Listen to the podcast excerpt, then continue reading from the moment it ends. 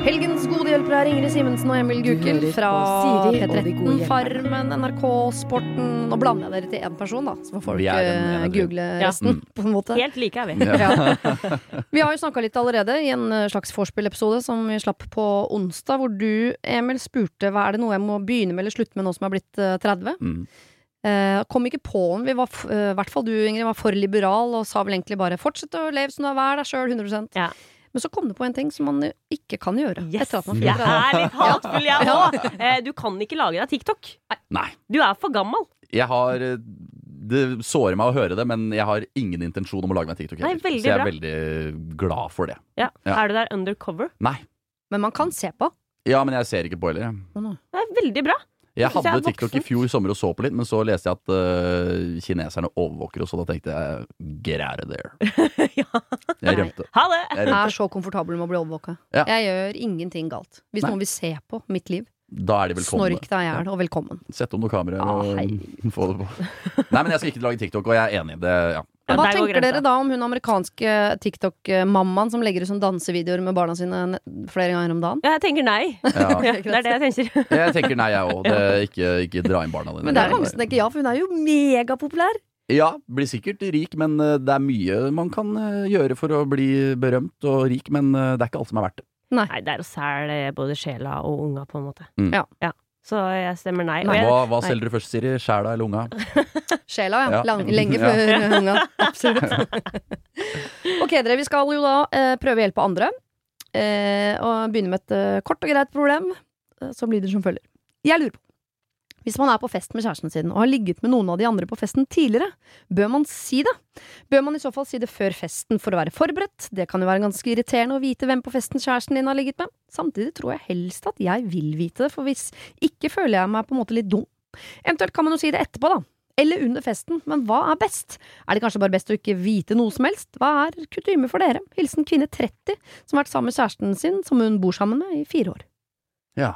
Kort og konsist. Hadde Ja. det spørsmålet her oppe for eh, jeg husker ikke når, noen dager, uker siden, Oi. Ja. med noen eh, venninner. Eh, og jeg, vi kom fram til, tror jeg, at det var best å si det eh, på forhånd. Mhm. Hvis det er noe du ville ha gjort sjøl. Hmm. Så kanskje spør ja. sånn. Hvis du ville visst det selv. Ja, hvordan, hvordan stiller du Har du lyst til å vite det? For jeg er enig, jeg ville ha visst det. Jeg ville hatt den beskjeden up front. Så Mm. kunne jeg vært forberedt. For det verste som kan skje her, Mm. er at du sitter på den festen, og så får kjæresten din sånn beskjed om sånn Ja ja, men det er så kult at du syns det er greit med, med, med Jon, da. Mm. Bare hm, hva mener du, Jon? Hvorfor skulle ikke det være greit? Ja, ja. Bare sånn, nei, de har jo. Å ja, nei, det visste jeg ikke. Det er det verste. Mitt svar eh, Men skjer det i virkeligheten? Fins de det, menneskene som det kan skje. Jeg, Ja, hadde en, jeg hadde en kollega i fjor uh, som uh, var helt rå å jobbe med, og han fortalte at han hadde fått seg en ny kjæreste, og hun hadde en vennegjeng hvor hun hadde ligget med noen, og der var det visst noen venner som var sånn som likte å poengtere dette, oh, ja. og på en Ja. måte skryte av det. I, uh, venn, jeg vet, det er helt riktig. Foran han! Ja da. Uh, nei, ikke, han hadde ikke opplevd det, men han Nei. ble informert. Jeg har ligget med denne personen. Han er en fyr som liker etter fem øl omsider. Å nei, han sa Ja. det sjøl! Ja, så han altså, kunne ha reist seg og tatt en skål for 'jeg har knulla dama di', skål. Ja, Nei, så min, han, min kollega hadde ikke opplevd dette ennå, men han var sånn åh, det håper jeg ikke skjer. Og det var sånn du må få dama di til å stramme opp vennene sine, liksom, for det Ja. skal du slippe å oppleve. Uh, men min tanke er jo enig i det Ingrid sier, men uh, istedenfor å spørre oss, så bør jo bare kvinne 30 spørre kjæresten sin. Ja. Fordi her tror jeg det er tusen forskjellige preferanser. Eh, noen vil vite alt, noen vil vite ingenting. Mm. Eh, og hvis det er en person som vil vite eh, slikt, eh, da må man kommunisere det. Mm. Og da også si at da vil jeg tro at personen vil vite det på forhånd, ja. Og ikke Mm. underveis eller etterpå. Nei, Men da må man ta det opp eh, på nøytral grunn. Ikke, du kan ikke ta opp på torsdag ettermiddag når man vet at man skal på fest sammen på fredag. Sånn, hva tenker du i forhold til hvis man skal på en fest en eller annen gang hvor det er noen du har ligget med? Vil du Nei, vite det da? Nei, nei det, det er et godt poeng. Ja. ja, ikke si det dagen før du skal i den bursdagen hvis du har ligget med noen der, men uh, ta opp sånn uh, Dette er en samtale jeg tenker de burde tatt for flere år siden.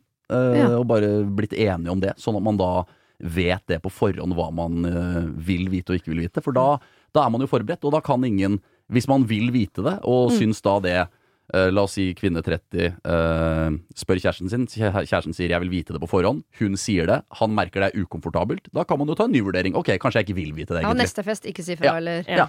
Ja, Hvis for det det blir er rart. no, ofte kan man jo ta utgangspunkt i egen liksom, uh, moral, men det er ikke alltid det funker. Ja, og moral For er jeg en- vil ikke vite, men jeg tipper mannen min hadde ønsket å vite. Ikke sant? Og moral er jo én ting, men uh, Så selvfølgelig, hvis man føler det på moralen, bør man jo kanskje si det uansett, hvis man kjenner på det. Men samtidig, hvis man da har en prat om det og finner ut at ok, du vil vite, jeg vil ikke vite, da, da vet man jo det. Ja. Og så er det noe med det der at hvis det er helt sånn gammelt, død og begravet, ikke noe fare for at det her kommer opp, og så er det jo lov til å tenke seg selv gjør det mer skade enn nytte?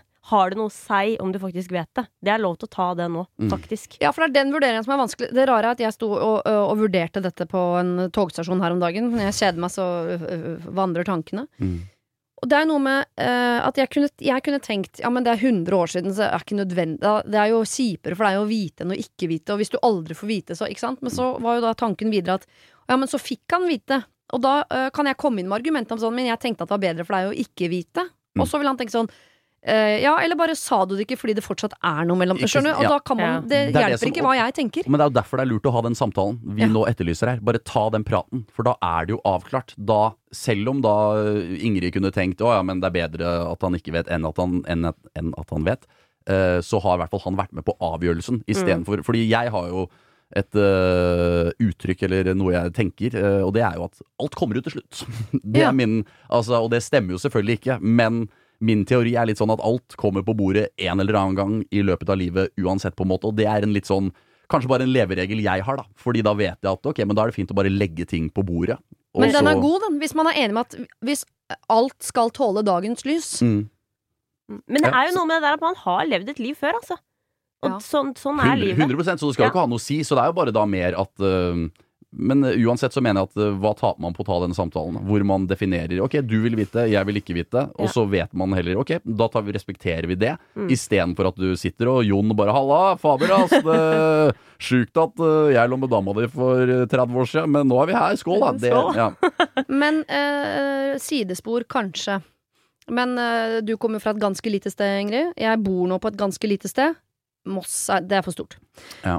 Men eh, skal også den man har ligget med, få en saying i dette? For det er jo noe med hvis jeg Nei, nei, er hvis jeg hadde blitt med min mann på fest i Son, Ja. og han på forhånd har liksom pekt på jentene han har ligget med på den festen Mm. Det er ikke sikkert De har jo da blitt sammen med nye gutter i den gjengen. Det er ikke sikkert de vil at dette skal fram. Nei, men Jeg- det har man ikke. Det har man ikke noe, altså det er, øh, Da skulle du ikke ligget med mannen til Siri Kristiansen på altså, Nei, men altså nei, men da, Nei, nei, det er akkurat det jeg faktisk er enig i. Ja. Men- Ikke gjør det. Nei, men da mener jeg bare sånn Det, det regner jeg med at uh, Det er jo samme om man har en uh, Om det er venn, familiemedlem, tidligere partner, hva som helst. Man må bare regne med at uh, kjæresten til den du har hatt en eller annen fortid med, samme om det er familiemedlem, venn eller partner, så vet partneren til det det, på en måte. Og så er det noe med det, skal du gå Er det en prat du skal ha? Du kan jo mingle uten å si sånn 'Ja, jeg hørte vi har ligget med samme fyr'. Du Ja. går jo ikke og tar den Nei, nei, praten nei. når du er på fest. Og så tenker jeg òg at det er litt viktig åssen du forteller det.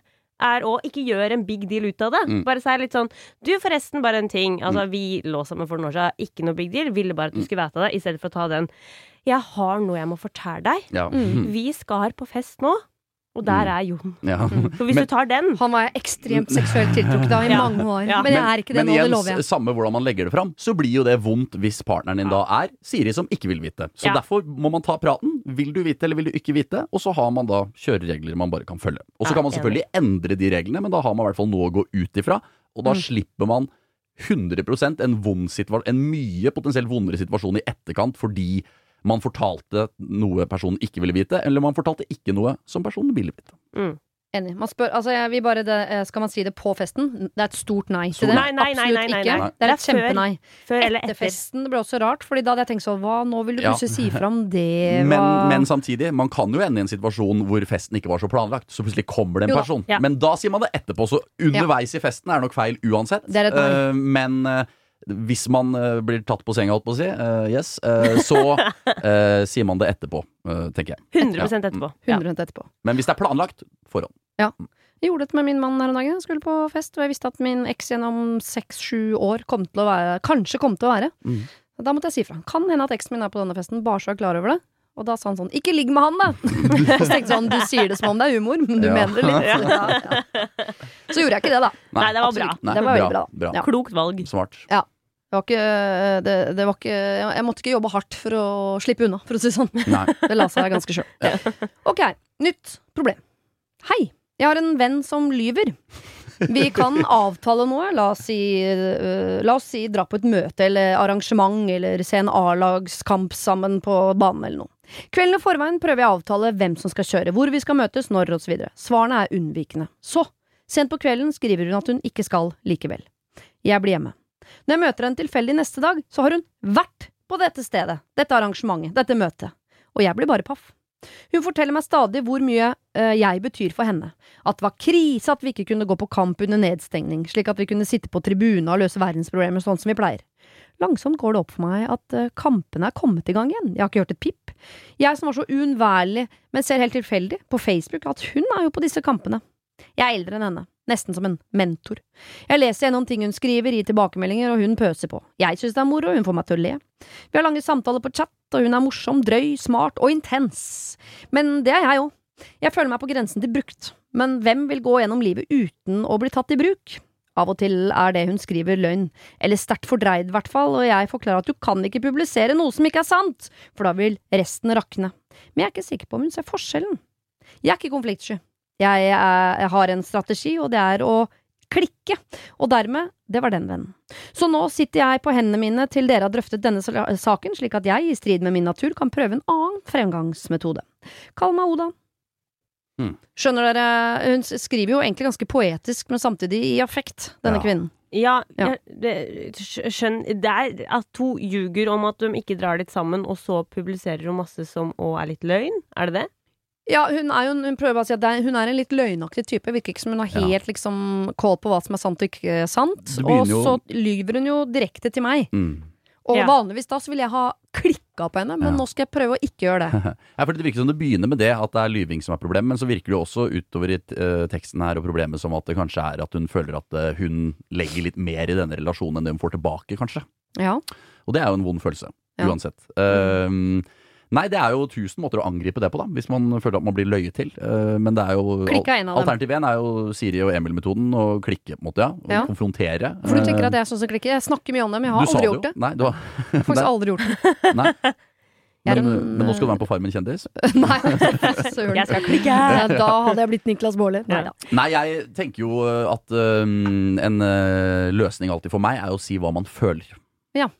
Uh, Istedenfor å klikke og påstå at du lyver. For det kan jo være en forklaring her. At uh, det er misforståelser, dårlig kommunikasjon, hva vet vi. Uh, men å bare få fram hva man føler. Nå Ja. føler jeg at du uh, sa at vi skulle gjøre det sammen, og så gjør vi det aldri sammen. Du sier du avlyser, og så føler jeg at du gjør det likevel, ser jeg jo på Facebook dagen etterpå.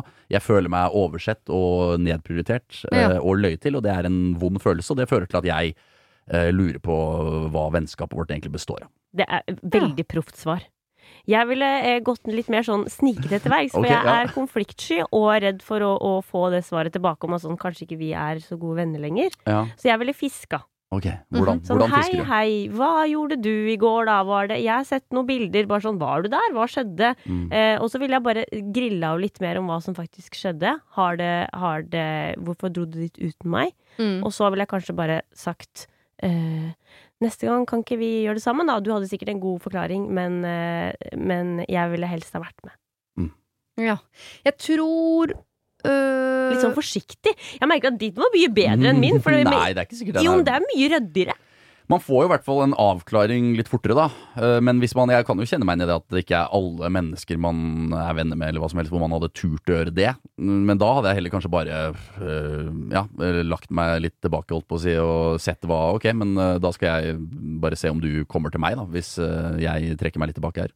Og jeg er helt enig i at det du sier, er, Emil, er veldig riktig å gjøre. Men når man vet at verden består mest av sånne som deg, Ingrid, som er mer av den konfliktsky typen, så vil jo du potensielt skremme bort en del av de konfliktskye. Mm. Uh, så jeg tenker at hvis man er en som uh, går veldig direkte på en som er konfliktsky, og ber om svar på ting, så kan man ende opp med å miste den vennen, for den vennen tenker sånn Oi, Mm. deg orker ikke jeg som venn, fordi du tvinger meg til å, å, å gå i konflikt, noe som er det jeg frykter aller mest. Så da bare da er dette Jeg orker deg ikke. Og da er jo min eh, men, Så den løsningen er jo kanskje mest anbefalt for typer som meg. da Fordi da er jo jeg sånn ja, Ok, men hvis du ikke tåler å bli konfrontert, da trenger ikke jeg å være venn med deg. Altså, skjønner litt hva jeg- Mm. Ja, så- da får du ja. jo en fin vennegjeng med folk som tør å snakke åpent Ja, og ærlig sammen. absolutt. Men eh, det, det er jo ikke så mange av dere, da. Nei, det, og det er jo da kanskje ikke løsningen eh, for en person som er konfliktsky, eventuelt. Nei. Ja, fordi mitt, det jeg egentlig tror jeg ville gjort i denne situasjonen, er at øh, Men det virker så For det jeg syns er så rart, er at det her virker som et vennskap som er veldig viktig én vei, Mm.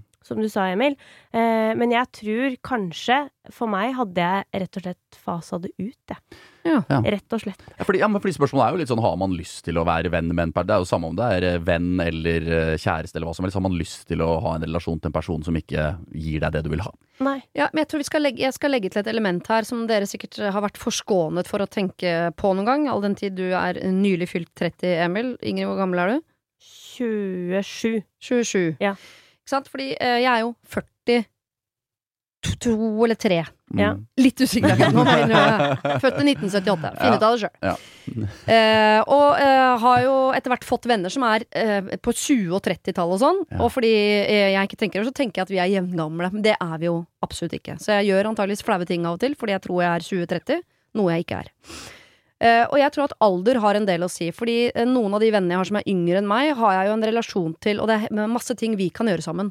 Og så er det noen ting som, som jeg merker at de tenker at ikke jeg kan være med på. Og så har man noen gang blitt sånn Hvorfor sa dere ikke fra til meg om det? tenker jeg. Og så sitter jeg mens jeg koser med bikkja og, og lager mat til to unger ute i Follo, og, ikke sant. Og så har jeg etter hvert skjønt sånn det tar seg, ikke- De skal ut med vennene sine på 20, Siri. La de danse i fred. De orker ikke at eh, mamma Siri skal stå og, og, og Drikk og- vann! ja, ja, ikke? Det orker man ikke. Så det, det kan godt hende at Oda har en veldig viktig funksjon som venn for hun her. Men så er det noen ting hun har lyst til å gjøre med venner på sin egen alder, hvor hun ikke vil ha med seg den kloke mentoraktige venninnen sin. Men det må de jo finne ut av, så jeg tenker at Oda kan jo heller finne ut av hva slags type vennskap de skal ha, men godta at vi kan Det er ikke alt vi kan gjøre sammen. De to skal ikke på Roskildefestivalen sammen. Nei, og så er det noe med det, for jeg har et par venninner som jeg vet er litt sånn vaglete. Som jeg skjønner sånn Den her avtala, den kommer mest sannsynlig til å falle i grus. Mhm. eh, men da har jeg alltid de sånn Jeg har deg på torsdag, jeg, men da vet jeg at eh, hvis du dropper, så er det like lett for meg å droppe. Altså, det er en løs avtale hele tida. Ja. Så jeg har det på en måte på en armlengdes avstand, så det kan jo hende at du må prøve å slakke litt på det. Ja. Og tenke sånn, OK, vi kan kanskje dra på den kampen, eh, men kanskje jeg bare skal avtale med noen andre. Mm. Og så lager jeg mitt eget liv uten deg. Og så er det som du sier, at du har eh, en venn til et veldig løst en løs bruk. Kanskje prøv å frigjøre deg litt fra vennen, egentlig. Men For det er noen som, også, som er sånn veldig som Når man snakker sammen, så er du utrolig opptatt av å finne på noe vi og det blir så bra sånn, og så er skjønner man etter hvert at dette er bare ting du sier når vi ses fordi det virker som en hyggelig ting å si, og så gir du egentlig faen. Mm. De, det tar ganske lang tid før man skjønner hvem de er. og De er det er mennesker jeg faser ut, for det gidder ikke jeg. Jeg Gidder ikke å- jeg ikke å spille skuespill og late som vi er venner-skuespillet. Det orker jeg ikke. Mm. Men her, jeg bare tror at man kan ta en hybrid av den ærlige retningen din, eh, Emil, og- men eh, være på jakt etter sånn hva slags vennskap er det vi skal ha. Mm. Ja, den tror jeg er veldig fin. Jeg likte din veldig godt, jeg, å si hva du føler, Emil. Det er, en, det, er en, det er alltid et veldig godt stelle å starte.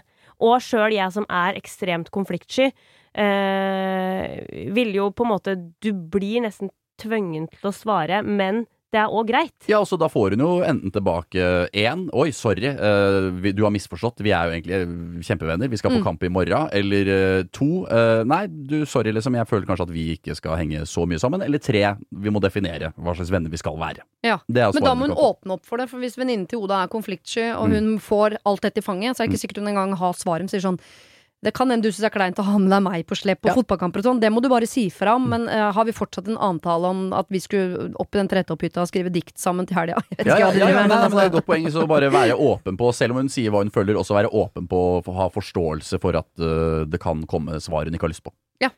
Men da Absolutt. får du i hvert fall svar. Og Ja. det er det noen ting jeg har lært i livet, så er det alltid bedre å få svar. Og sjøl om det svaret blir veldig unnvikende, for det kan komme. Kanskje. Helsen meg som er konfliktsky, det kan komme et sånn unnvikende rart svar. Da betyr det bare OK, Men da trekker jeg meg rolig tilbake. Ja, eller på en måte Du trenger ikke å droppe henne, ikke være så kategorisk sånn, da kan ikke vi være venner. Man tenker sånn, da er hun en sånn venn som det er hyggelig å møte innimellom, men ikke Ja. en jeg stoler på. Men det er ikke noe Jeg er ikke sinna eller sånn, hun bare er en sånn Jeg vet ikke hvor mange jeg sender som er sånn hyggelig å treffe deg, men vi kommer ikke til å lage noen avtaler. Eh, altså, Type 100 ikke klikk, Oda. Si Nei. hva du føler. Det er alltid det beste tipset. Ok, her er det en som angrer som aldri før. Å nei. Kall meg gjerne Ted. Jeg liker det navnet. For en stund siden gjorde jeg noe jeg angret på, som gjorde at jeg har mistet magefølelsen. Nå står jeg i en skvis mellom to valg, for eksempel hyttetur på fjellet eller surfetur ved havet. Jeg ender alltid med å velge feil, og bruker masse energi på å tenke på hvorfor det andre valget ville vært bedre. Som regel har det ikke så mye å si, siden det ofte er bagateller det står om. Men så fikk jeg tilbud om fast jobb to ulike steder. Luksusproblem, jeg veit.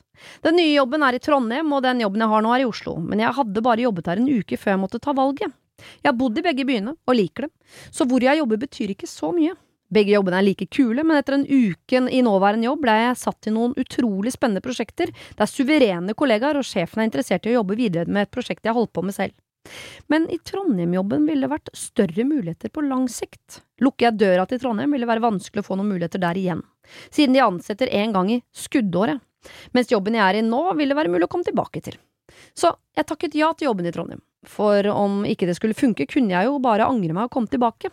Og nå angrer jeg jo som bare det, fordi jeg vet at døra står på gløtt. Det er en uke til jeg skal flytte og starte i den nye jobben, men hver dag tenker jeg på å ringe sjefen og si hei sann sveisann, jeg kommer visst ikke allikevel. Nå frykter jeg å reise til Trondheim med elendig innstilling, og så kaste inn håndkle, for så å komme tilbake til den jobben etter noen måneder, kanskje uten mulighet for de samme prosjektene. Hva skal jeg gjøre? Om jeg snur nå, er sannsynligheten for at jeg angrer igjen. Hva skal jeg gjøre da? Hele livet har jeg blikka eh, fremover, men nå har jeg kludra det til. NB, det er en liten bransje jeg jobber i, der det er viktig å bygge seg et navn. Alle sjefene i den nye jobben og flere kollegaer har sendt meg melding om at, eh, at de er, og jeg siterer, i ekstase for å få meg på plass. Med vennlig hilsen Ted Jesus. Ja, er det mitt liv det Er du sånn, eller? Er du sånn? Du er konfliktsky, eh, veldig liberal og vinglete. Jeg er ekstremt vinglete, men jeg har jo òg hatt en jobb i Oslo, tatt en jobb i Trondheim, sagt opp en jobb i Trondheim, dratt tilbake til Oslo, fått den gamle jobben min i Oslo tilbake. Ja. Så jeg har jo gjort alle de tingene. Eh, og fy faen så vanskelig det er. Fordi du kan aldri vite at du har tatt det riktige valget. Det er klin umulig! Men her har du truffet veldig bra på booking, Siri. Fordi uh, her er jo vi helt forskjellige. Når jeg sitter og hører på dette problemet, så er det sånn Men bestem deg, mann! Altså, sånn, nei, men, så, jeg, klarer, jeg skjønner problemet hans, har full respekt for det. Og det må være en helt forferdelig situasjon å være i å ha det sånn. Men jeg klarer ikke å sette meg inn i å ha det sånn selv, fordi det hadde aldri skjedd. Ja, men hva hadde du gjort, da? Bestemt meg. Ja, men for hva? For det, bare for å gjøre noe, og så gjøre det. Shit, jeg visste ikke at Moss var en annen planet. Nei, det det er bare var et sted i eh, Nei, men er, er, er, er ikke du litt sånn som meg, Siri? Er du, Absolutt ikke. Nei, nei, fordi jeg er sånn øh, Jeg vet da, søren. Det er bare sånn Når du har bestemt deg, så har du bestemt deg. Da må du stå i det. Ja, men Da må du bestemme deg. Og problemet er Her er problemet. Folk er sånn Du må bare følge magefølelsen din. Det er alltid et valg som er bedre enn andre. Jeg bare Min mage, den sier faen ikke en dritt. Og jeg aner ikke hva det er jeg skal gjøre. Og jeg syns det er vanskelig Altså, skal du skrive Ok, tips, da. Du kan skrive lister. Det Mhm. kan du gjøre. Pros and cons, liksom. Pros and cons. Ja. Mm. Jeg har òg hatt eh, invitert alle vennene mine til råd. Ok, så dere har samla dere, liksom? Ja, ja, Ja. og vært sånn Hva skal jeg gjøre? Ja. Her kan jeg få for og imot her. Ja. Hva skal jeg holde på med nå? Mm, men jeg skjønner det jo på det store valget her, altså jobbvalget. Den kan Mm. jeg se. Det er et stort valg i livet. Men dette er jo Ted sliter jo også med det bare om Hvis han drar på hyttetur, så tenker han han skulle vært og surfa. Hvis han surfer, tenker han han skulle vært på hyttetur. Så det er jo på en måte et problem han har på andre felter i livet her. òg. jeg kan skjønne jobbproblematikken. Da kunne jeg også, ok nå må jeg ringe mine beste venner og spørre hva tenker dere. Den kan jeg skjønne, for det er et stort, viktig valg. Det er hvor han skal bo.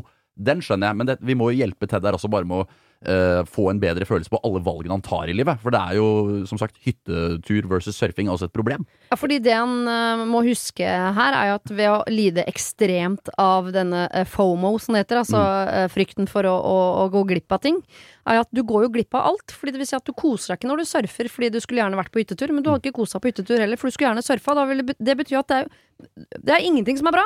Nei. Eneste, eneste gangen jeg har kjent på dette det siste året, var da uh, Skal vi danse og Hva var det Skal vi danse gikk samtidig som? Var det Jeg husker ikke. Hva var det? Ja? Hva gikk Skal vi danse samtidig som I nå? høst. Ja, var det Jo, Maskorama. Da Maskorama hadde premiere, etter at Skal vi danse hadde gått en stund, så var det skal vi se på Skal vi danse eller Maskorama? Og da klarte vi ikke. Da var vi Ted i sofaen. Ja. Hvis vi så på Maskorama, var det sånn Men herregud, skal vi danse hvem Også, hvis vi så på, altså, og det går live, vi må vite hvem som ryker ut, men vi kan ikke være på VG. Altså, det, det er den eneste gangen jeg kjenner på det. Men ellers så, så er jeg litt sånn Det kan være Mamma har alltid prøvd å minne meg på sånn Gresset er ikke grønnere på den andre sida. Jo, om halvparten av tiden er det jo det. Nei, det er Nei, ja, ok, men da ber du om å ha et ulykkelig liv, da, hvis du skal gå rundt og tenke det. Det er litt sånn som jeg sier til eh, venner som vurderer å dra på utveksling eller jobbe i utlandet, eller sånn, så er det sånn, ja, men hva går jeg glipp av? Så er det sånn jeg føler alle som drar på utveksling eller bor Hvis du bor i Trondheim et halvt år, og så kommer du tilbake sånn Ja, her er jo bare alt likt. Det har ikke skjedd Ja. én Åh, dritt. Hæ? Har du vært borte et halvt år? Ja, Jeg har ikke merket Ikke sant? Det har ikke skjedd én dritt. Så det er litt sånn uh, Ja, jeg tror Hva handler livet om? Er det ikke å være lykkelig og ha det bra? Og hvis man da går rundt og tenker at dette kunne vært bedre et annet sted Og ja, jeg skjønner det. Som sagt, på Ted sitt store problem er jobbproblematikken. Men jeg klarer virkelig ikke å sette meg inn i det andre sånn Der tror jeg jeg bare er en veldig svart-hvitt fyr. Og det taper jeg sikkert på noen ganger, men hva i all verden hjelper det? Ja, men det betyr at, når, og- at du er god på hvert sted. da, Fordi når du er på hyttetur, så er du på den hytteturen. Halve deg er ikke og, og surfer. På ingen måte. Det er veldig bra, det. Ja. Men det her har jeg blitt bedre med, på, med åra. Hvordan har du blitt bedre på det? Nei, eh, fordi da eldre, jeg var Ja, jeg tror jeg var litt eldre, men da jeg var et barn, så Mhm. sa mutter'n eh, Vi var i Sverige på campingtur, så sa mutter'n Du kan få en pastelesk, Ingrid. Vær så god. Pastelesk? Pastillesk. Og pastill Pastillesk, ja. Pastillesk, ja. Ja. Ja. Og så sa hun 'vær den'. Jeg klarte ikke å være den passelesk, Nei. så mamma tok meg bærende under arma, skrikende ut av en butikk i Sverige. Det er meg! Så Ja. dårlig er jeg på å ta valg. Men nå, eh, og det her har jeg faktisk lært det siste året da vi har pussa opp. Mm. Fordi nå, å pusse opp er bare å ta valg. Ja. Om det er å ta valg av farger, kjøkkenfronter, hvor stor skal det hølet være? Og nå har jeg lært at det blir bra med en gang du tar en beslutning. Mm. Du må bare få bestemt deg, for det som er vanskelig, Mm. er å sitte og ta det valget. Det er det som gjør deg usikker. Og fattern har gitt meg verdens beste tips. Og det er Og det er at du tar den beslutninga som er best for deg akkurat der og da. Og du kan ikke vite åssen det blir senere, men da kan du alltid se tilbake og tenke 'jeg gjorde det som var best', der og da. Og da må du stå i det valget. Men det, eh, jeg syns det er rart med Ted Jesus her. Det, som er rart at fordi det som ofte funker for meg, er at hvis jeg ikke klarer å velge om, mellom A og B, så tar jeg et helt random valg. Da velger jeg bare B, for da kjenner jeg sånn Ja, ok, der landa jeg. Eller så tenker jeg sånn Nei! Ikke B! Mm. Da skjønner jeg sånn Jeg valgte feil, og da kan man stort sett uh, gå tilbake og heller velge A. Mm. Det som er rart, er at nå har jo, han har valgt Trondheim. Og så har han fått en følelse av Nei, jeg vil ikke til Trondheim! Og da, eh, da Det syns jeg er rart, for det betyr jo egentlig at Trondheim er feil. Jeg tror ikke Og da er det ikke sikkert han kommer til å kose seg i Trondheim. Nei, altså jeg har jo vært Trondheim, jeg, ja, og tenkt etterpå at det var feil. Mm. Og da sa jeg bare opp en jobb i Trondheim og kom tilbake til Oslo. Ja. Så det går jo an å gjøre det, prøve, innse det er feil, og så komme tilbake. Ja. Men hvis han nå kjenner med en gang i maven sin at dette der mest sannsynlig er feil, Men det kan hende han bare gruer seg. Det er fremmed, det er litt ukjent, nye folk. Det er jo trygt her jeg er nå. Ja. Jeg vet ikke hva som venter meg. da skal jeg òg si det er en stor forskjell mellom det å være spent og det å grue seg. For du, Ja. kan, du, du er vanlig å være spent på en ny jobb fordi du gleder deg til noe. Mm. Det er noe annet å kjenne at du ekte gruer deg, og går med en klump i magen. Det er forskjellige følelser. Fordi det, det, det, det vet du på en måte innerst inne. Jeg visste innerst inne Trondheim er ikke noe for meg. Mm. Jeg tenkte jeg prøver. Mm. Uh, det gikk et år, og så gikk det ikke så greit. Men Nei. vet du hva, Ted? Det er bare å prøve. Ja, Alle jeg kjenner som har flytta til Trondheim, kommer hjem igjen med den erfaringen. Ja, ikke Skulle jeg aldri gjort, tenker du. Men så er det kanskje også noe med å bare, må tvinge seg selv til å prøve det et år, da. Sånn som du gjorde Ja. med Trondheim. Fordi eh, det er som Siri sier, at det kan jo bare være at det er nerver før det smeller her, på en måte. Før det begynner skikkelig. Mm. Eh, så bare prøve det et år. Eh, litt sånn som foreldre som tvinger barna sine til Ok, men nå har du begynt på tennis, da må du fullføre et år på tennis, liksom. Du kan jo ikke bare slutte på tennis. Ja. Nå må du Ja. gjøre det. Og da er det litt sånn stå Du er voksen, Ted. Du må, Mm. prøve det et år. Har du skal, har valgt å dra på hyttetur? Ja, men da må du stå i det, da. Nå er du på hyttetur. Skal du sitte og wine og ødelegge hytteturen, eller skal du kose deg?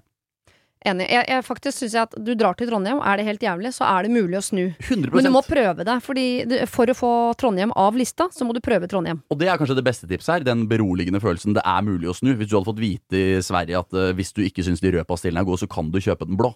Så hadde jo det vært det. Hadde ikke du blitt båret gråtende ut av kjøpesenteret. Men det er jo den nå må jeg velge det eller det, og det valget må jeg stå for resten av livet. Det er jo det Ted også kanskje tenker. Flytter jeg til Trondheim, så er det Trondheim for alltid. Ja, men det, sier Det er han, det det må han jo ikke engang. Men hvis han eh, dropper Trondheim nå og blir i Oslo, så kommer han for det første Han aner ikke hva han har sagt nei til. Nei. Det kommer han til å tenke på bestandig. Mm. Og så sier han også at den døra lukker seg. Mm. Så hvis jeg sier nei til Trondheim nå, så har jeg egentlig sagt nei til Trondheim for bestandig. Ja, men da Prøv Trondheim, da. Prøv Trondheim et år, og så det verste som skjer, er sånn Da funka ikke det. Da kommer du hjem igjen, da. Og jeg skal love deg, Ted, uansett hva du gjør, så kommer du til å bli en erfaring rikere, og etter hvert så kommer du til å bli mye tryggere på alle valg du skal ta framover.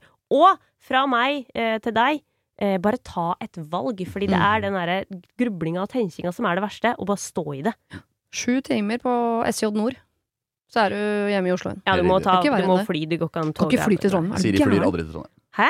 Sidevinden i Trondheim er helt Mhm. crazy. Det er, de brekksleder jo inn på rullebanen. Det er jo flaks at det går bra. Ter terminalbygget på Værnes er bygget som en flyvinge. Det er ikke tull. Så det kommer jo, hvis det kommer vind over den flyvingen, så blir det rett og slett eh, turbulens i lufta. Det er alltid turbulens. Trondheim. Må ikke finne på Har å ikke fly dit. merka det. Men naboen Nei, sorry. Begynner å dra inn ting fra vorspielet her. Å, ja. Hører hun. Ja. Ja, ja Men turbulensen merker hun ikke. Nei. Så til dere som har hørt på onsdag, så skjønner dere, Ja. ikke sant? Ja. Kanskje det er turbulens hos naboen, har du tenkt på det? Han har bygd senga si som en Hun trodde jo først det var vind. Ja. Da- Ok, så vi sier til Ted Jesus at han prøver Trondheim, bare for å få Trondheim av papiret. For han kommer til å kjenne ganske fort sånn 'dette er riktig', eller 'dette er feil'. Ja. Og da er det er vel noe prøvetid. Seks måneder igjen igjen. Mm. Ikke gi opp etter to uker. Seks måneder. Gi det seks måneder. Ja, og nå er jo Trondheim åpna, så da er det sikkert mye koseligere der enn da jeg var der. Ja. Kjør på. Og neste gang du står mellom surfetur og hyttetur, så velger du motsatt av det du valgte sist. Så har du prøvd begge deler. Ja, og så kan du ha mer av eh, Emil sin mentalitet. Ja, fordi Da er jo det en trøst da, hvis du sitter på hytteturen og tenker at det er kjipt. Ikke tenk åh, jeg skulle heller vært på surfetur. Tenk heller ok, men neste gang skal jeg velge surfing. Ja. Nå vet jeg at dette var feil valg. Ja! ja! Godt veldig, tips! veldig bra. Få ting av lista, rett og slett. Eh, vi skal til Nøtteliten. Han sier det. Eller hun sier det. Kall meg Nøtteliten. Hei, hei. Mhm. hei. Har du et problem og trenger hjelp, ja, så sender du det til meg. Da bruker du Siri, alfakrøll, radionorge.no. Kjæresten min har peanøttallergi og har hatt det siden han var liten. Er bare farlig hvis han spiser det. Lukt går fint. Jeg derimot har peanøttsmør som lidenskap. Litt for glad i det. Hver gang jeg åpner peanøttsmørboksen, eh, så skaper han seg veldig rundt meg og begynner å hoste og sier det lukter dritt. For noen dager siden kjøpte jeg peanøttsmør i pulverform for selv å blande det ut. Han, han ble sint på meg og sa at eh, nå vil det jo henge partikler rundt om på kjøkkenet når han kommer inn, og at jeg ikke tar hensyn. Jeg skjønner at det ikke var det mest taktiske, altså, så jeg angrer på akkurat det, men, og jeg respekterer og jeg forstår og tar forhåndsregler så godt jeg kan, men jeg blir så innmari irritert. Altså, jeg forstår at han er allergisk, men føler at han overdriver. Er jeg rar? Respektløs? Spør da Nøtteliten. Nei, jeg blir irritert sjøl, jeg. Altså, her På er hvem det- av dem? På kjæresten! Han med allergi. Ja, drama queen. Hvorfor Ja. blir du irritert? Han er allergisk, jo. Ja, men herregud, du må, må la folk få leve. Jeg, Altså- tror, jeg tror ikke på allergi, Oi. faktisk. Oi, Å, det er en brannfakkel. i. Men, Nøtteallergi er jo ganske heavy allergi å ha. ja, Men, men han sier jo sjøl at det er. Men hva sier han selv? Nei, eh, men han er jo ikke, han er jo ikke sånn som dauer om bord i et fly hvis noen Nei. åpner en nøttepose. Vi er ikke der. Eh, Det har jeg problemer med å tro på, selv om jeg hører at det er sant. Men det syns jeg virker eh, litt voldsomt. Men han dør av å spise det, og så mener han at, at hun ikke tar hensyn ved at hun spiser det. det, det Nei, altså, Nei, men det skjønner jeg ikke. Nei, Nei, det, er, det er jo vanskelig for oss å skjønne, men jeg mener jo vi skal jo respektere følelsene til fyren. Da. Hvis han syns det er traumatisk å se det greiene, og så er ikke peanøttsmør Det er ikke vann det er snakk om her. Det er et ganske sært pålegg spør meg, som jeg ikke visste at folk spiste. Det er sjukt godt. Ja, ok, ja, greit. Men Det det smaker er litt sånn tørt. Ja, det, må bli tørr i munnen. Litt Ja. sånn kanel, sand ja. Nei, altså Man jeg må ha vanlig smør under. Come on da, folkens. Nei. Er det helt Det er eh, ikke så viktig for meg. Nei, jeg tror jeg har um, vært i ett hjem med pianosmør, og det var på barneskolen. Oh, ja. Uh, ja, ellers aldri Mannen min har det i sekken da, når han går på jobb. Ikke sant? Ja. Ja. Nei, jeg Han er deilig, altså. Deilig type. Jeg ser Ja. at det Nå ser dere for dere noe annet. Han er veldig, veldig, veldig deilig mann. For meg går det litt på da Man må jo veie opp her, da. Hvor redd er han for peanøttsmør og den frykten som vekkes i han hver gang han ser det som kan drepe han på stuebordet? Og hvor glad er hun i dette pålegget? Jeg tror dette bare har blitt et sted de tar ut irritasjonen sin. For han, han er ikke redd for å dø av peanøttsmør. Og sjansen for at han skal ramle med åpen munn over hennes peanøttsbrødskive, er liten. Det er morsomt å se for seg, da. Han er irritert på at hun driver med noe han ikke kan drive med, og så har han en eller annen gang hengt seg litt opp igjen, og så har det, oppi dette så har det bare balla på seg og blitt Ja. et stort problem. For her har de blitt to, to Du går inn i en rolle med en gang Mm. det her peanøttsmøret kommer fram, så de stagger mot hverandre uansett hva det er. Ja. Vet du hva de må gjøre da? Da må de stoppe opp litt og spørre hvorfor plager det deg? Eh, for jeg skjønner at du skal ikke dø av det her, det skjønner vi begge to. Mm. Men hva er det, føler du at jeg er respektløs? Og du må vite det at jeg er veldig glad i deg, men Mm. du må òg skjønne at jeg liker det. Du må løfte praten litt, for Ja. jeg tror ikke det handler om Nei, peanøttsmøret. Nei, men det, er jo, ja, men det handler jo sikkert bare om at uh, han føler det er unødvendig av henne å ta fram peanøttsmøret, og hun Mm. føler det er uh, han overreagerer når han reagerer i det hele tatt. Så det blir jo en sånn liten 'hvor langt kan jeg dra strikken her før du sier fra', eller det virkelig blir en samtale her, på en måte. Mm. Og så er det jo litt med det der at når du vet at du egentlig ikke kan, så har du enda mer lyst til å gjøre det! Bare sånn 'Å ja, du liker ikke at jeg et peanøttsmør? Jeg skal faen meg vise deg peanøttsmør, jeg, gutten min'. Sånn blir det. Jeg husker da jeg var ungdom, så ble jeg sammen med en fyr som uh, innimellom syntes det var helt ok å røyke litt marihuana. Mm. Og jeg er jo 1000 milliarder prosent imot alt uh, som er sterkere enn Salem Lights. Salem Lights var det. Det er en mentolsigarett som okay. gamle damer røyka i gamle dager. Ikke sant? Eh, min mor, blant annet. I hvert fall. eh, så det var en absolutt nei fra meg. Så jeg, det, jeg, og jeg er ikke glad i vetoer eh, i eh, forhold, men jeg sa du kan faktisk ikke gjøre det hvis du skal være sammen med meg. Og så sa han ja, men øh, å ja, så øh, marihuana er så viktig for deg at du er villig til å liksom gi opp kjærligheten på grunn av det, liksom. Så, du, så jeg sa sånn ja, jeg, hvis jeg tar deg og røyker marihuana, så går jeg fra deg. Jeg kommer ikke til å dumpe deg engang. Kommer ikke til å si fra. Jeg bare Mm. går fra deg. Og så får du sitte der og kose deg med pipa eller hva faen. Sånn, å ja, så øh, det er så viktig for deg at du, ikke, du vil ikke engang være sammen med meg hvis Og det, vi hadde en evig krangel om det, om hva som var viktigst for meg. Hasjen eller meg, og så videre. Så sa jeg det samme tilbake. Ja, viktigst for deg. Hasjen eller meg. Og så hadde vi ble aldri enige. Mm. Eh, og så, ø, så påstod han at han aldri røyka det mens vi var sammen, men hadde en slags festival på en uke når det ble slutta. Eh, men der, der ble vi aldri uke, eh, enige, og det, det, det er den samme krangelen de har. At han mener at du må slutte å spise peanøttsmør, for du er sammen med en som er imot. Altså hele eh, nervesystemet mitt er imot peanøttsmør. Eh, men hun sier sånn, men jeg elsker peanøttsmør, så jeg vil spise det, og det må du godta. Dette er en, det er ikke noe å bli enige om her. Nei, men kan så, så kommer det litt an på hva slags forhold hun har til mat og pålegg òg, da. Fordi jeg personlig er jo en sånn fyr som bare Hvis dere hadde sagt eh, fra i morgen kan du aldri uh, spise Skinke. skinke. Det har gått- helt fint. Ja. Selv om jeg, skinke er kjempegodt, det, altså. Men samme det, vel. Ok, greit, da spiser jeg ikke skinke, da. Altså, så det går jo litt på det òg, da. Altså, Vet ikke hvordan du er på det, Ingrid. Kunne du bare slutta Si et pålegg du liker. Um, ja, det er ost, egentlig. Ja, Hvis kjæresten din hadde vært sånn Jeg har uh, melkeallergi, på en måte. Du kan, det kan ikke være melkeprodukter i øh, kan ikke, Det kan ikke være ost i huset vårt. Nei. Hadde det gått fint, eller hadde det vært et problem for deg? Nei, 100 et problem, Ok, Okay, det hadde vært det, ja. Ja, fordi uh, jeg, elsker, jeg elsker parmesan, jeg Mm. elsker brie, jeg elsker Ja. gulost, jeg elsker alt av ost. Men Hva hadde du gjort da, hvis han hadde blitt sur hver gang du spiste ost? Da måtte vi tatt den, og det er det jeg mener med at sånn Hvorfor blir du så sur? Mm. Fordi jeg tror det handler om at han ikke føler seg sett Ja. og respektert. Mm. Det handler jo ikke om at han syns det er så teit at uh, hun et peanøttsmør, men det handler jo Ja. om den respekten. Altså, du har ikke den respekten for meg. Du ser ikke at det her er litt trøblete for meg, og du ser ikke at jeg er superallergisk. Han vil jo egentlig bare Han føler seg mest sannsynlig litt alene oppi det her. Ja, ja, Han det- vil bare ha en klem og si Mm. sånn 'Jeg ser deg, men kan du òg liksom jeg, jeg har litt lyst på peanøttsmør. Kanskje det er greit at jeg gjør det? Så kan du få lov til å gjøre noe eh, Så kan jeg gi deg noe hyggelig Mm. i, Mm. i retur. Men det er jo litt som vi snakket om øh, på det første problemet i dag, med fest og tidligere partnere og sånn. Altså, kommuniser om hvordan man vil ha det, og så Ja. snakk om det på forhånd. Si Ja. at jeg kommer til å kjøpe meg peanøttsmør på Kim i morgen. Og så virker peanøttsmør som en litt sånn hvis jeg hadde blitt sammen med en fyr jeg hadde bedt han om den ene ting Kan du, kan du ikke spise peanøttsmør? Så var det sånn Nei, jeg, jeg må ha peanøttsmør. Liksom, det Ja. må du vel Det, det faktisk nettopp ikke. det. Ja. Så det er jo bare å kommunisere. Ja. Hvorfor øh, føler du at du må spise peanøttsmør, og hvorfor blir du irritert når jeg spiser peanøttsmør? Kan vi finne ut av hva som egentlig Ja. plager oss her? For det Eller kan du bare ha en greie som er at når han er øh, borte, så spiser jeg peanøttsmør. Eller jeg har peanøttsmør på, På jobb. jobben. Ja. Eller jeg har det i håndveska mi, en bitte liten krukke som jeg spiser innimellom når jeg koser meg. Det er noe sånn Du må ikke, ha de, du må ikke smøre deg inn i peanøttsmør og ha peanøttsmør i altså, i støv og alle mulige former. Spis peanøttsmør når du er hos tanta di, for eksempel. fordi for all del, Jeg vet at eh, fyren ikke kommer til å tryne over peanøttsmøret og få det i seg og dø, men jeg hadde, vært, eh, jeg hadde følt på det samme som han, tror jeg, hvis eh, jeg hadde vært dødsallergisk mot å spise noe, og så hadde Ja. partneren min bare satt seg ned på stuebordet hver dag, og nå skal jeg smøre dette på Det hadde vært litt sånn Er det nødvendig? Ja, jeg kan dø av peanøtt- øh, peanøtter. jeg. Å, Ja. jeg smører det på brødskiva, Ja. jeg.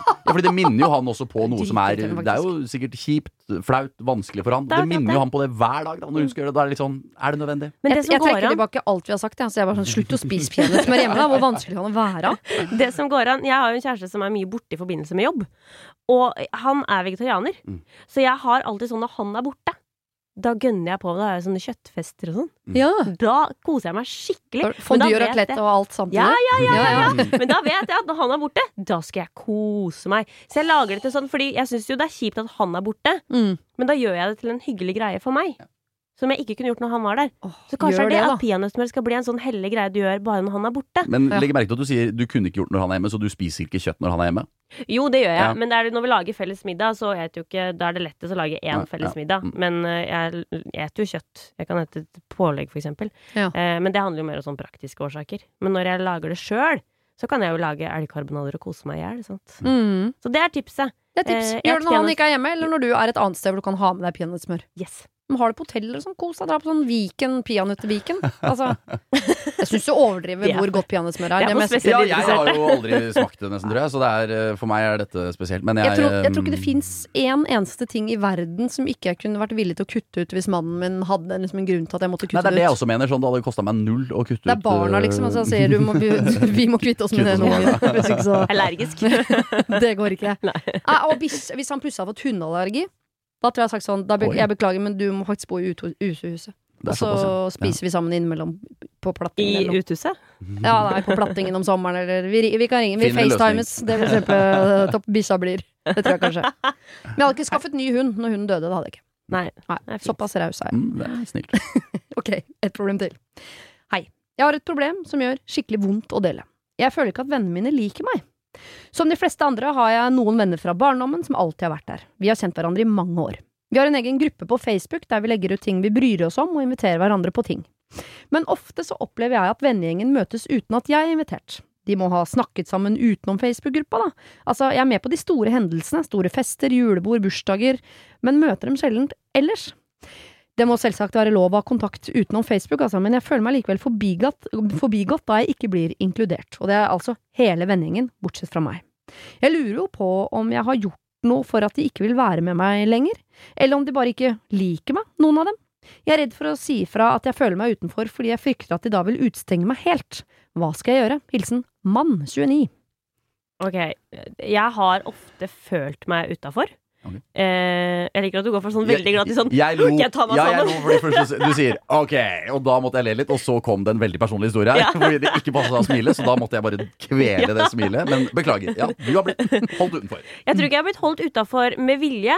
Men jeg har vært i veldig mange forskjellige vennegjenger, og alltid liksom vært litt på søken. Eh, hvem er det jeg passer sammen med? Hva er det jeg skal gjøre med livet mitt? Så jeg har hatt veldig mange forskjellige venner her og der. Og på grunn av det så har jeg endt opp med en person som folk kanskje ikke har alltid spurt. Mm. Fordi folk har alltid tenkt sånn Kanskje du har noe annet å gjøre? Noe bedre å gjøre? Mm. Sannheten er jo ikke det i det hele tatt. Mm. Jeg har jo ofte bare ikke blitt invitert og følt meg utafor på grunn av det. Eh, men så har jeg blitt flinkere til å faktisk spørre sjøl.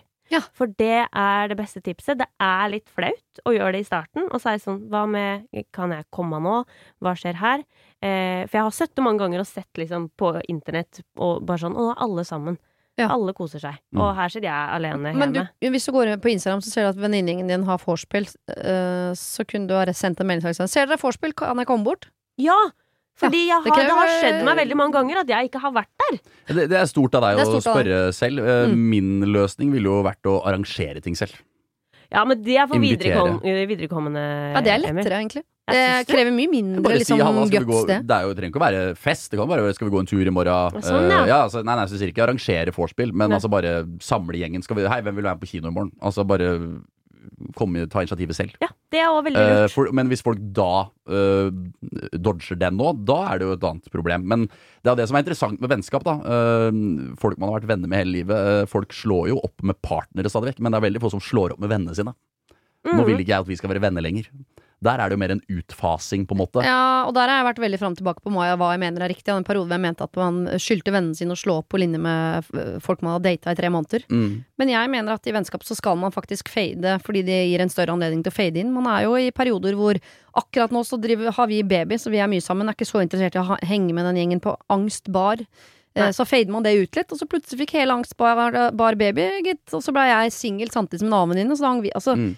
Det der vennskapsgreiene er mye mer Det er løsere. Ja, Og det så men, mener jeg at vennskap man, eh, Det er jo som et parforhold. Altså Begge må jo jobbe for at det skal fungere. Det kan ikke Ja. bare, man skal ikke sitte og ha dårlig samvittighet hvis uh, vennen din aldri ringer deg, eller aldri spør hvordan det går med deg, eller aldri foreslår å gjøre noe. Så det er jo, begge må jo jobbe her. Eh, så mitt forslag ville vært å prøve å jobbe litt, og da si ok, kino i morgen, hvem er keen på å være med og se den filmen? Mm. Uh, gå tur, hva som helst. Og så hvis da alltid, hvis du prøver tre ting, da, og ingen blir med på det heller, da er det jo no noe å prate om. Ok, men nå føler jeg at dere prøver å fase meg ut der. Hva er det som skjer? Eh, Ja, for da og da Åh, det er vondt. Og hva gjør du da?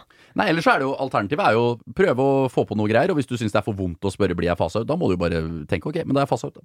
Og så um, Ja. er det blytungt, Også, selvfølgelig. han er redd for å si fra fordi uh, han er redd for at de da utstenger helt. Og jeg, bare, jeg får veldig vondt av den mailen her, for det, det, dette, dette føler jeg foregår i alle vendinger Ja, ja, hele tiden. Det veldig mange sitter med følelsen, og oftest, ofte er den feil.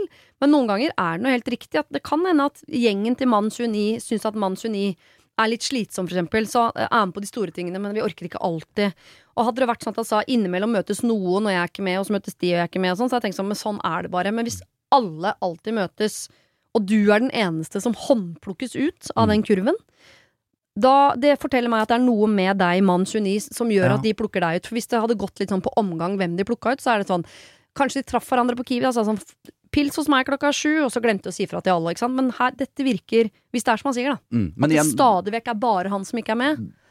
Da men da vil jeg jo be mann 29 om å sette seg inn i Hvis dette hadde vært eh, et kjæresteforhold, da. Ville Mhm. han da vært sammen med den personen? Hvis personen behandla han sånn? Og svaret er vel nei. Så da er det jo litt sånn Ja, man har vært venner lenge og sånn, men hvis vennene behandler deg dritt, er man keen på å være venn med dem da, liksom? Lykke til, mann 29, må skaffe seg en ny vennegjeng i en alder av 29, da. Ja, men det går jo an å spørre òg. Er det en grunn til uh, at jeg føler meg lite inkludert? Og bare sånn, og spør, jeg spør én av dem, Ja, sånn den føler Den deg du kjenner nærmest best. med. Ja. Og, og jeg tenker jo, Ja. han er redd for at da skal de stenge han ute helt. Det kommer ikke til å skje, tror jeg. Ja, det hørtes voldsomt voldsomt ja, det, det tror, tror dere er motsatt respons, og hvis de i så fall, hvis du spør, kommer åpent og ærlig, du føler jeg blir litt stengt ute, hva skjer? Og de da stenger deg ute, da må man i hvert fall finne seg nye venner. på Ja, måte. da er ja. løpet kjørt uansett. Ja. Uh, Eh, så um, nei, det tenker jeg i hvert fall er det Å enten spørre hva skjer, eller lage egne arrangementer, holdt på å si. Samme om det er kino eller gå en tur eller eh, se en fotballkamp, liksom. Det tenker jeg er um, i hvert fall første steg her, da. Mm. Og så er jeg helt enig at han kan spørre kanskje den han føler seg nærmest. Men bare, man må, skal også passe på Jeg tror den frykten hans for å spørre og bli ekskludert kan henge sammen med hvis, hvis du stadig er en som problematiserer, mens de andre bare sånn Ja, vi bare møtes, og det er du som gjør dette vanskelig. Eh, det kan jo hende han bare har eh, er mer følsom enn de andre, da. At de eh, tenker De har ikke tenkt over det engang, og så skal han gjøre det vanskelig. Men hvis han aldri har spurt, så tenker jeg at du må jo undaspørre hva er det som skjer her, jeg føler meg utestengt, og se hva som skjer. Og hvis de da oppfører seg dårlig etter det, så må du helt klart ta et steg til siden. Eller så kan du ta et steg til siden som er mer i form av Ok, litt sånn som vi snakket om før i dag med hun Oda, som var eldre enn venninnen sin. Treff de på sånne store hendelser og fester og julebord, da, og så skaff deg noen andre venner som, som du er nærmere, som du kan treffes i, i ellers, liksom. Ja, og så er det noe med at livet er så jækla kort. Og hvis du skal gå hele livet og være sammen med folk som kanskje ikke helt deler det samme interessene som deg Du vil jo ha venner hvor du faktisk kan si Mm. Hei, vet du hva, jeg føler meg litt utafor, jeg. Mm. Og vennen din skal si Ja, det kan jeg forstå, men vi er glad i deg. Kom her og bli med oss. Du skal jo ikke ha venner hvor du skal være redd for det, så det er liksom å prøve å Du er jo ikke teit. Eller i hvert fall ha venner. Jeg tror det er ekstremt viktig for selvfølelsen og trivsel og alt å ha venner som man føler at uh, er at, at, at det er jevnt, da. Jeg har like lyst til å være sammen med deg som du har lyst til å være sammen med meg. Ja. Det er ikke jeg som må invitere deg for at vi skal ses. Du inviterer også meg for at vi skal ses. Vi har like lyst til å være sammen, begge to. Og sånn virker det ikke som det er i denne gjengen, men det betyr ikke at du må kutte de helt ut. Du kan treffe de innimellom, men jeg håper at du finner noen venner som er, har like lyst til å være sammen med deg like mye som du har lyst til å være sammen med de. Ja, det unner jeg deg. Det høres ikke ut som det er denne gjengen her, men trenger jo ikke å, å, å dumpe de, liksom. Nei, og det finnes andre venner. Det gjør det. Ja, det Altid. gjør virkelig det. Det er litt vanskelig, men Ja, det er vanskelig. Ja. Men uh, jeg ønsker deg lykke til, jeg. øh, jeg følte ikke vi kom helt i mål med hva han skal gjøre. Hva Nei, skal men han gjøre nå? Ja, jo, men skal han snakke med venninnen mener, sin? Jeg føler meg utstengt. her, er her er min plan. Ja, Steg én, steg én, inviter gjengen på kino en uke. Hvis ingen blir med på det, ok, neste uke. Inviter gjengen på å gå en tur eller noe annet dere syns er gøy. Ikke kino. Mann 29, Ok, guttegjeng nei, går på kino. Jeg er på kino med kompisen min, jeg. Ja, det er Nå veldig er jeg uvanlig, 30, tror jeg. da. Jeg er 30, så jeg er ute av det. Men uh... Lag chili con carne. Ja, By på chili con carne. hva enn dere har som aktiviteter, da. Om det er å se fotballkamper eller bowle eller dart. Altså Bare få på noe eh, forslag på å gjøre noe. Absolutt. Hvis du prøver to-tre ganger uten noe respons, Mm. da vil jeg gått for praten. Ja, Med med, den den du er nærest. Ja. Ja. Og hvis det ikke skjer noe ut av det, da er det dessverre Sånn er verden, altså. Sorry. Men uh... Og da må du ja, husk på å spørre hva, hva er det som har skjedd. Er det noe jeg faktisk kan Eller hvorfor er det sånn? mm, Mm. Er det noe jeg Ja. har gjort, noe som jeg har sagt, som jeg ikke har fått med meg? Jeg har en litt hard leveregel. Jeg har mange av det egentlig, men jeg har bare en som passer til dette. Bare en som er tatovert på ryggen. Bare dette står over ryggtavla mi. Ikke noen gotiske bokstaver. Man kan ikke, og jeg sier ikke at mann 29 gjør det, absolutt ikke, men bare dette er et generelt problem som dukker opp ganske ofte. Man kan ikke sutre seg til vennskap. Så jeg mener at ja, du må også ta initiativ til ting. Du har absolutt lov til å være lei deg over at du ser at de møtes og ikke du, men du må på en måte ta tak i det eh, ved å arrangere, og du må ta tak i det ved å spørre hva er det som skjer. Og har du gjort begge de to tingene, og de fortsatt oppfører seg som en gjeng med douchebags, eh, så må du ta et valg på om du går ut av den gjengen, eller om du beholder de på avstand i tillegg til noen andre som er nærere og bedre venner for deg. Og så må jo mann 29 vite at alle opplever dette. Og jeg tror alle opplever å være på begge sider av bordet her. Alle Ja. har opplevd å føle seg utenfor og utestengt, og alle har opplevd å, at noen har følt seg utestengt, og så har ikke det vært tilfellet. Og noe av det som eh, har irritert meg hvis eh, de gangene jeg har opplevd å være den som eh, Ja, noen sier til deg 'nå føler jeg meg utestengt', det er jo sånn ja, men hva er det du gjør, da? Hva er det Du Du Ja. har da ikke ringt meg på et halvt år, og så Nei. kommer du og føler deg utestengt? Det er en del blindpassasjerer i Ja. alle vennegjenger som sitter og sutrer i et hjørne. Så tenker jeg sånn, men vet du hva, du Kanskje kan det er ikke bare det, det er surfe, altså. Blindpassasjeren! Ja. Men det- Hvis du er blindpassasjer, så da må du øh, betale for egen billett. Men det, altså, men det løser jo mann 29 Hvis han er blindpassasjer, så løser han det jo nå ved å ta initiativ. Ja. Yes! Der ble det mye bedre. Ble det litt mer optimistisk. Ja. Det setter jeg pris på. Ja. tusen takk for at du vil være gode hjelpere. Vær så god. Er dere mer optimistiske generelt? Eh, Etter å ha vært her i dag? Ja, Ja, vi håper jo gjort, øh, kunne hjelpe litt til å gjøre verden til et bedre sted. ja. Tror du det blir greit å være 30 de neste ti årene? Jeg gleder meg. Ja, Tror du det blir greit å, å, å høre naboen knulle? Oi, oi, oi, oi. Nei, det, Nei. nei. takk. Nei, Nei, nei. det syns jeg ikke. Nei, Nei. da kjører vi til en burmadrass til naboen og hørselsvern til eh, Ingrid. Nei. Det var det. Husk å sende ditt problem til siri at radionorge.no om du vil ha hjelp. Denne podkasten er produsert av Klynge for Bauer.